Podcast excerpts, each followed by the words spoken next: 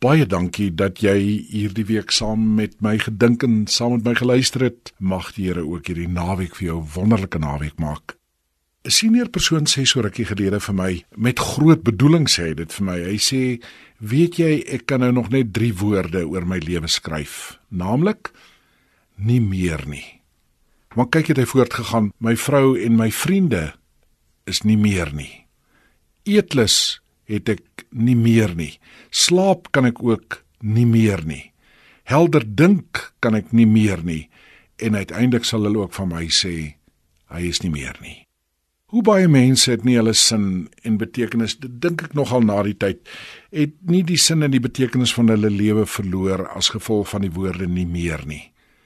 Na die val van die aandelemark het ek nie meer 'n finansiële toekoms nie en die huidige politieke onsekerheid laat my oor soveel van my vroeëre sekuriteite sê nie meer nie.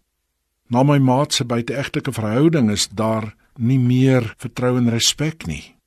Wanneer dit waar van 'n mens se lewe word, kan dit miskien help om weer na die wonderlike raad van Filippense 3 vers 13 te gaan kyk, waar die skrywer sê maar een ding doen ek, Ek maak my los van wat agter is en ek strek my uit na wat voor is.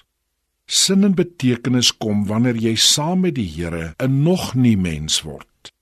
Sin en betekenis vra dat jy saam met die Here op pad sal wees na die nog nie van die toekoms.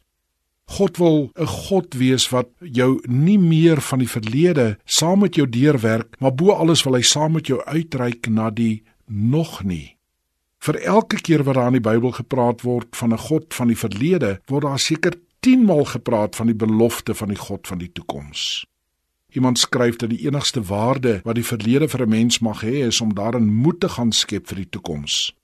Die verlede mag nooit 'n vakansieoord wees waar jy gaan uitkamp nie, maar dit moet eerder 'n volstasie wees waar jy brandstof kry vir die rit na môre. Handelinge 2 vers 17 is so teks. Hy sê so sal dit in die laaste dae ook in hierdie tyd wees. Ek sal my gees uitstort op alle mense en julle ou mense sal drome droom. Wanneer jy so leef, kan jy soos Wyle Dominee Ive Lou op sy 90ste verjaarsdag 'n boek skryf met die betekenisvolle titel My eerste 90 jaar. Hoor nou, my eerste 90 jaar. Asof daar nog 90 voor lê. Kom ons draai hier in die laaste dag van die week om en kom ons besluit om die nuwe week wat voorlê so te leef vorentoe. Laat ons droom oor vandag, oor môre, oor oormôre. Kom ons bid saam. Here, dankie dat U elke dag my droom nuut maak. Amen.